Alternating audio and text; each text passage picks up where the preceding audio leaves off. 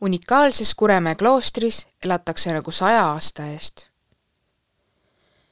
Kuremäel asuv Pühtitsa nunnaklooster on nagu riik riigis, mille siseelu lubatakse kaeda ka ilmalikel.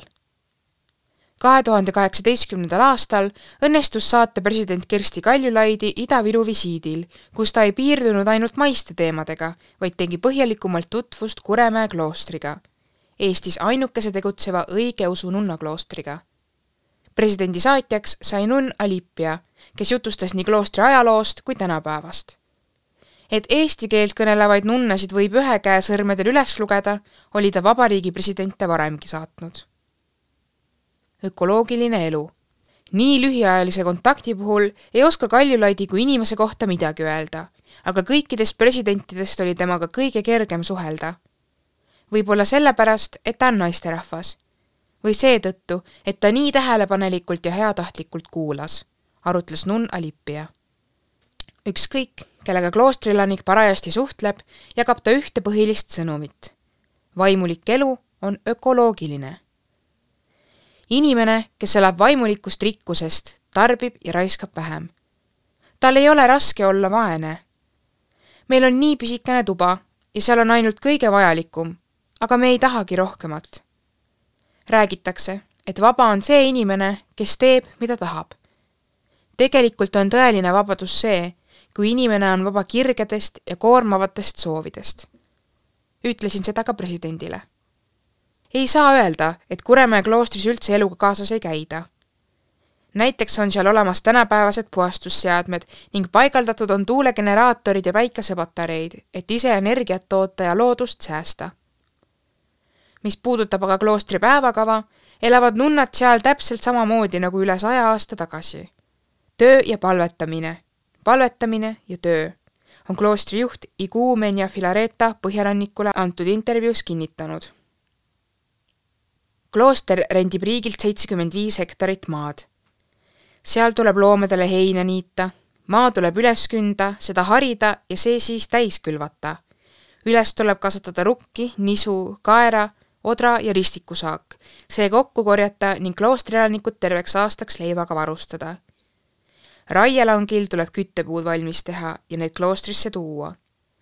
paljud kloostrielanikud ja nunnad näevad vaeva õmblus- ja köitekojas, tegelevad ikoonide restaureerimisega ning töötavad köögis ja pagaritöökojas, kus valminud hõrkutisi on õnnestunud endalgi maitsta presidendi külaskäigu ajal kaeti rikkalik laud ka tema saatjatele pakutud toidud olid harjumatu maitsega, ilmselt seetõttu, et olid valmistatud suure armastusega ning sada protsenti puhtast toorainest.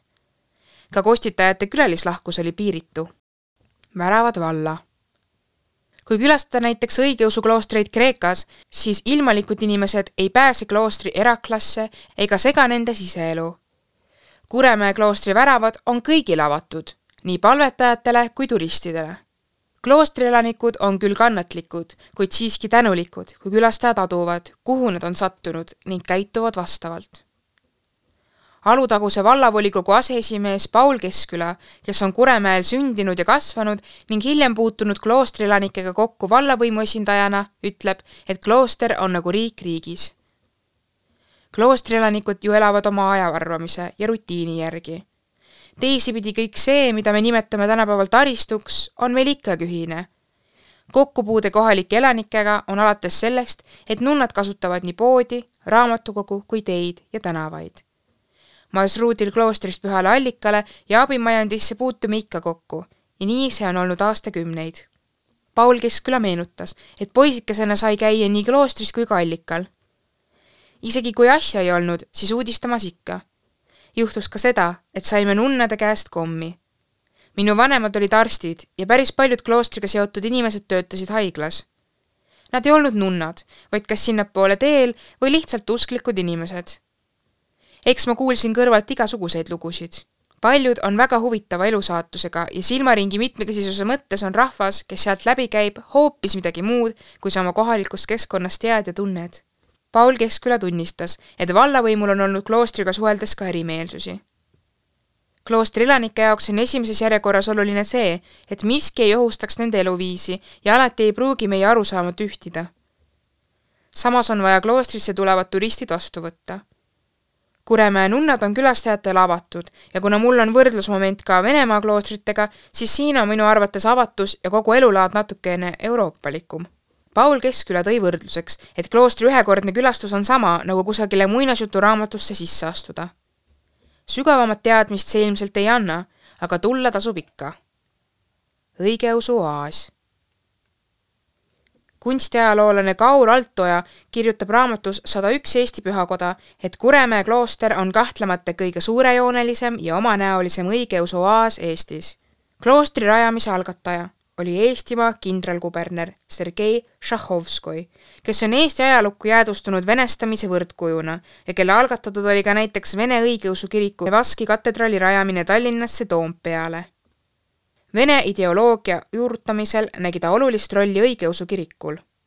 Kuremäe nunnaklooster rajati üheksateistkümnenda sajandi lõpus Vene tsaarivõimu kinnistamiseks just eestlaste ja vadjalaste pühasse hiide, kus pärimuse järgi ilmutas Jumala ema kuueteistkümnendal sajandil end talupoegadele. ajaloo paradoksina peaks klooster olema säilimise eest tänulik Eesti Vabariigile hästi on teada, et tuhande üheksasaja kahekümnendail, tuhande üheksasaja kolmekümnendail aastal likvideeris Nõukogude Venemaa peaaegu kõik kloostrid. Kuremäe jäi teisele poole piiri ning tegutses vaikselt edasi, kirjutab Kaur Altoa. pärast sõda sai kloostri kaitseingliks Eesti päritolu piiskop Aleksius, kes tuhande üheksasaja üheksakümnendal aastal valiti Vene õigeusu kiriku Moskva ja kogu Venemaa patriarhiks ema Filareta on meenutanud, et tänu tulevasele patriarhile jäi klooster Hruštšovi ajal, kui see taheti muuta kaevurite puhkekoduks, sulgemata. Tuhande üheksasaja üheksakümne esimesel aastal allutati klooster vaimulikult otse Moskva ja kogu Venemaa patriarhile. patriarh Aleksius Teisele oli meie klooster lausa nagu oma lapsuke. ta hoolitses selle ja siinsete õdede eest väga. hilisem patriarh käis siin koos vanematega juba väikese poisikesena tema isa Mihhail teenis siin. Kuremäe kloostri külastajatel, kes jäävad seal õigeusu oaasi lummusesse, on soovitav lülitada programmi ka Vasknarva. Seal, kus Peipsi järvest algab Narva jõgi, asuvad Pühtitsa kloostri Eeli ja Erakla pühakoda. augustikuus Rukki-Maarja päeval alustavad sajad usklikud sealt kolmekümne kilomeetri pikkust ristikäiku, millega tähistatakse Jumala ema uinumise päeva. palverännu sihtkoht on Kuremäe Sirle Sommer Kalda, ajalehe Põhjarannik ajakirjanik